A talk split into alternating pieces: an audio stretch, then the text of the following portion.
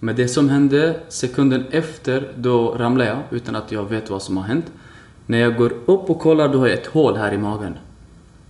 Då tänkte jag, nu har jag blivit skjuten, men jag hadde ingen aning hva er det her for problem. Denne dagen i desember for tre år siden ble Hagi Sharif skutt mens han var på jobb. Nå er han en del av en dyster statistikk i Sverige, der fler og fler blir offer for skyting. Jag ser att jag har blivit skjuten på benen också. Och senare så märkte jag att jag har blivit skjuten i vänster arm också. Allt det här pågick i max fem sekunder. Men jeg hadde ingen aning hvor mange skott jeg hadde fått.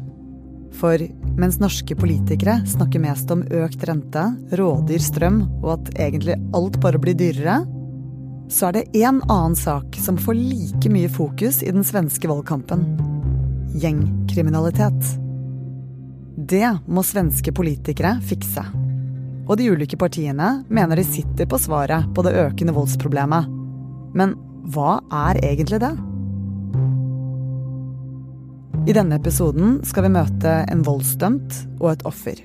Intervjuet av journalist i Aftenposten Tor Arne Andreassen. Jeg heter Synne Søhol, du hører på Forklart, og i dag er det fredag 9. september.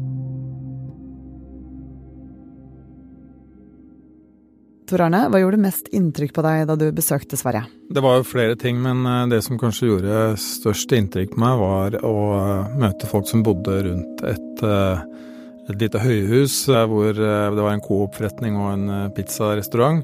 Der hadde det i løpet av dette året så har det vært ti skyteepisoder. Og det å snakke med folk som bodde rundt der, som forteller at de vurderer å flytte, at de må gå spesielle veier gjennom parken på baksiden der for å unngå disse ungdomsgjengene som holder til der, det forteller meg at dette er en vold som preger veldig mange, og som er et kjempeproblem i, i nesten hele Sverige. Det kan man trygt si. Bare i år har 47 mennesker blitt skutt og drept i Sverige. Det er mer enn i hele fjor, og volden gjør at mange svenske innbyggere må leve i frykt. Det er klart at uh, veldig mange bor jo ute i disse forstedene hvor uh, det er gjenger som styrer, og hvor uh, folk føler seg utrygge. og Man er kanskje bekymret for hva slags miljø barna skal komme på når de blir sendt til skolen osv. En som har møtt kriminaliteten ansikt til ansikt, er 36 år gamle Hagi. Han driver en mobilbutikk i Vesterås, én time utenfor Stockholm.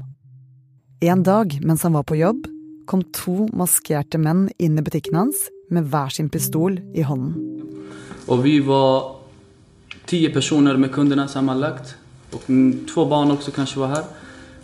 Det som hendte er at han ikke inte ens forstår noe når jeg ser en pistol som er riktet mot mitt huvud. Den ene av dem da eh, skyter ham eh, tre ganger. Alt går veldig fort, så han oppfatter egentlig ikke så mye av hva som skjer, men eh, han merker at han ligger på bakken og har en skuddskade.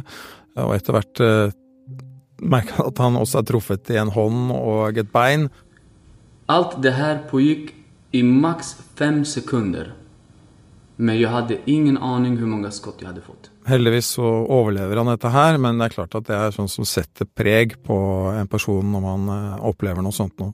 Hagi han har jo forsøkt å komme seg videre etter at han ble skutt, og noe av det han har gjort er å prøve å sette seg inn i hva var det som skjedde, og hva slags ting er det som preger de ungdommene som er i byen hans? Man ser hvor feilet kommer ifra. Det er ikke fra de ungdommene som går rundt og skyter folk, det er fra grunn til bunn hur de har kommit till Sverige, hur de har blivit behandlade, hur staten har tagit hand om dem, hur skolor har liksom tagit hand om dem og sen, sen videre i sin tur.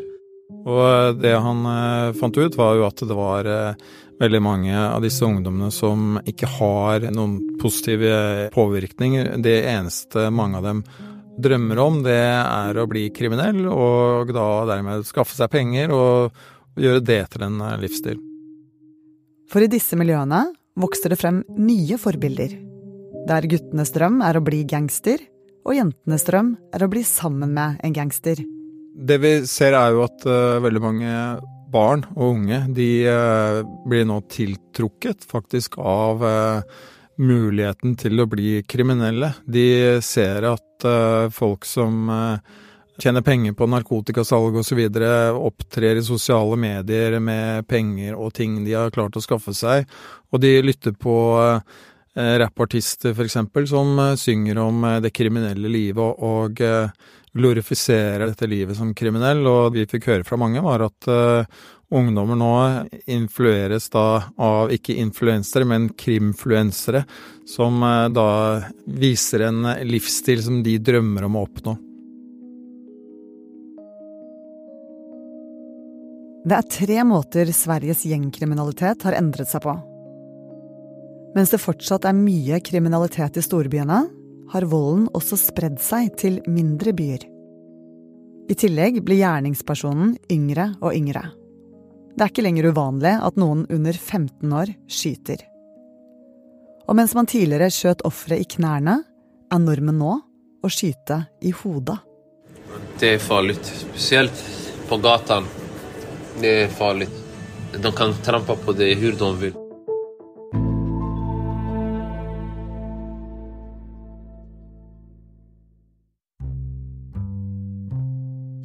Når fylte litt over 18, da jeg var tvunget å gå rundt med kniv mm. hele tiden for å forsvare meg om det kommer tre personer og forsøker på meg.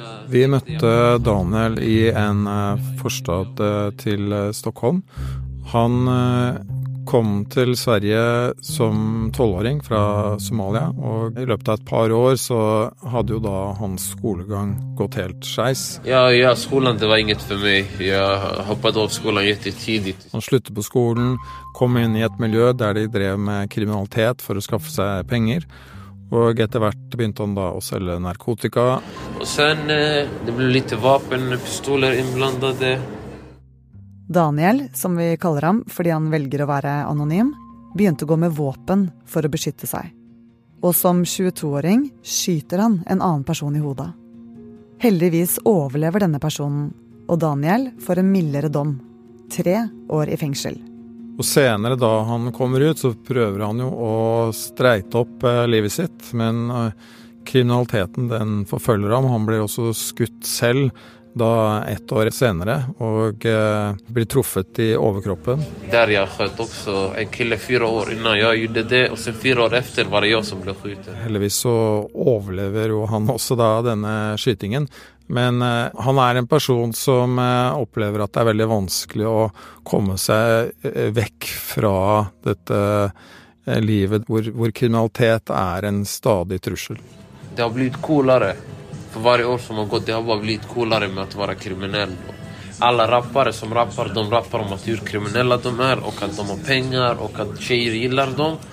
Alla barnen ser det der. Hvilke tiltak kan gjøres for å løse voldsproblemet i Sverige? Hva sier politiet? Det de mente både hos politiet og hos eh, barnevernet, det var at man må gripe ganske tidlig inn med forebyggende tiltak. F.eks. da gi barna positive forbilder som de kan følge fra de er veldig små. Fordi at det de ser nå, er jo at eh, barn helt ned i tiårsalderen kan ha skaffet seg en kriminell identitet. De snakket om at hvis du har to kriminelle brødre som eh, er i en gjeng, ok, så må du prøve å påvirke den seks år gamle broren til disse guttene, sånn at han ikke havner inn i det samme miljøet. Alle partier forsøker nå å si at de skal løse problemet. De sier at de skal ha mer politi, lengre straffer osv. For nå krever svenske velgere politisk handling, og Ingeborg Moe, utenriksjournalist i Aftenposten, Eh, mer vold, høye drapstall, rekruttering av barn til gjengmiljøer helt ned i tiårsalder. Sverige har et kjempeproblem. Hvordan gjenspeiles dette i eh, valgkampen? På mange måter kan man si at det har blitt den viktigste saken i valgkampen. Folk er jo selvfølgelig opptatt av strømpriser og helsetjenester også, men all skytinga det siste året har gjort at lov og orden har kommet veldig høyt opp på lista til folk. Det er noe alle partier snakker om, og så har det vært flere oppsiktsvekkende skyteepisoder nå i innspurten av valgkampen. Og det er jo spesielt ett parti som har høy troverdighet blant velgerne på dette området, ifølge målinger som har vært gjort, og det er Sverigedemokraterna. Det høyrepopulistiske partiet Sverigedemokraterna ble stiftet i 1988 og har røtter i rasistiske og nynazistiske miljøer. Partiet har profilert seg som innvandringskritiske, men i løpet av årene har de blitt mer stuerene og tonet ned den fremmedfiendtlige profilen. Og nå kan partiet få mer innflytelse enn noen gang. Sverigedemokraterna har hatt medvind på meningsmålingen nå de siste ukene, og det som har fått mest oppmerksomhet, er at partiet har blitt nest største parti på eh, målingen. Det betyr at de kan bli det største opposisjonspartiet i Sverige, og større enn Høyres søsterparti, altså Moderaterna, som vanligvis er nest største parti. Og hvis de gjør det så bra på målingene, hva betyr det? Om Sverigedemokraterna skulle bli nest størst, så vil det selvfølgelig være en seier for, for, partiet uansett. Men størst praktisk betydning får det kanskje hvis det blir regjeringsskifte. For det som er nytt av året, det er jo at de andre borgerlige partiene vil samarbeide med Sverigedemokraterna. Tidligere så har partiet vært uh, utstøtt av sin fortid. Men hvis de borgerlige får flertall, så vil Sverigedemokraterna bli en viktig del av dette flertallet. De andre partiene har sagt at de vil ikke sitte i regjering med Sverigedemokraterna, men partiet vil kreve innflytelse over politikken.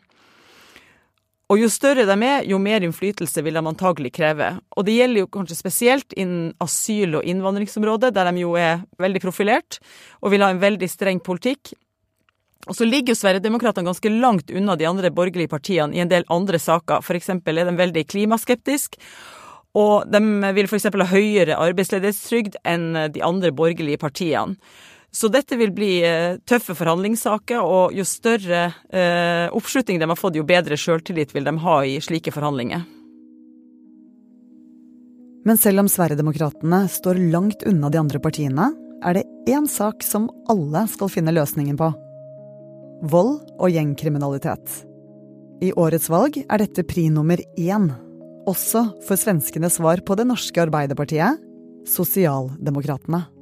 Sosialdemokratene, som jo er regjeringspartiet og størst i Sverige, de snakker også mye om lov og rett i denne valgkampen. Og de sier at de vil kjempe mot segregering i utsatte områder. Det vil si at du har områder der det er nesten ikke noen som har svensk som morsmål, og de mener at dette er med å bidra til oppvekstvilkår som skaper også gjengkriminalitet. Så de snakker veldig mye om det i år.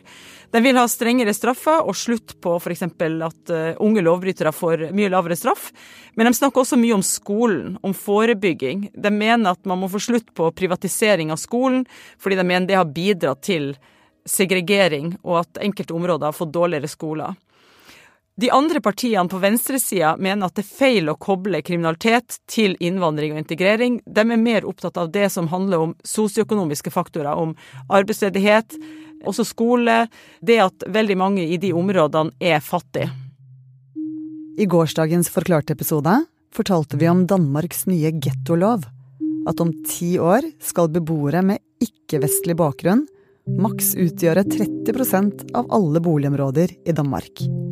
Og den episoden kan du høre på der du hører på podkast. Så med den nye gettoloven rives såkalte gettoer, altså områder med høy andel innvandrere, arbeidsledighet og kriminalitet. Og nå har svenskene reist for å sjekke ut danskenes løsning. Den svenske integrasjonsministeren dro jo på studietur til København i sommer for å se på hva danskene gjør. Men de vil neppe kopiere gettoplanene som nå gjennomføres i Danmark. Likevel så er det mange kommentatorer som mener at de ser tegn til at sosialdemokratene på en måte stjeler litt politiske løsninger fra høyresida og politisk retorikk. De har allerede sørga for mer politi og hardere straffer, og nå snakker jo integrasjons- og migrasjonsministeren i Sverige om at antallet ikke-nordiske mennesker etter boligområdet ikke bør overstige 50% Og det er nye toner fra dem. Ja, Vil du si at uh, svenskene har blitt påvirket av uh, danskene? Det kan virke slik, men vi vet ikke hvordan det blir i realiteten. Men både Sverigedemokraterna og Moderaterna har jo sagt mange ganger at de har henta ideer derfra. Eh, det nye er jo at sosialdemokratene på en måte endrer retorikken. De bruker andre ord enn før. Magdalena Andersson, som jo er statsminister i Sverige, sa f.eks. at hun ikke ville ha Somali-towns eller Chinatowns i Sverige. Poenget var at hun ville ha mer blanda boligområder. Og det er nytt. Så med uttalelser som maks 50% ikke-nordiske i boligområder og nei til Chinatowns, minner jo det litt om retorikken i Danmark. Og Ingeborg, søndag er den store valgdagen i Sverige. Hvordan tror du prosessen med å danne en ny regjering blir denne gangen? Jeg tror det blir vanskelig også i år, men forhåpentligvis vil det ikke ta fire måneder som sist gang. Vi kommer nok til å vite raskt hvem som blir statsminister, men det vil bli harde forhandlinger på begge sider for at partiene skal bli enige om politikken. Det har vært kaotisk i svensk politikk de siste fire årene, men jeg tror politikerne kanskje er enige om én ting. Det må bli slutt på gjengkriminaliteten.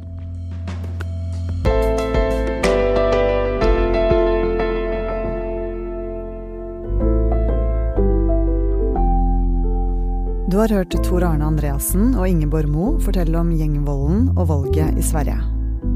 Det er Tor Arne Andreassen som har intervjuet Hagi Sharif og Daniel. Episoden er laget av Fride Næss Nonstad og meg, Synne Søhol.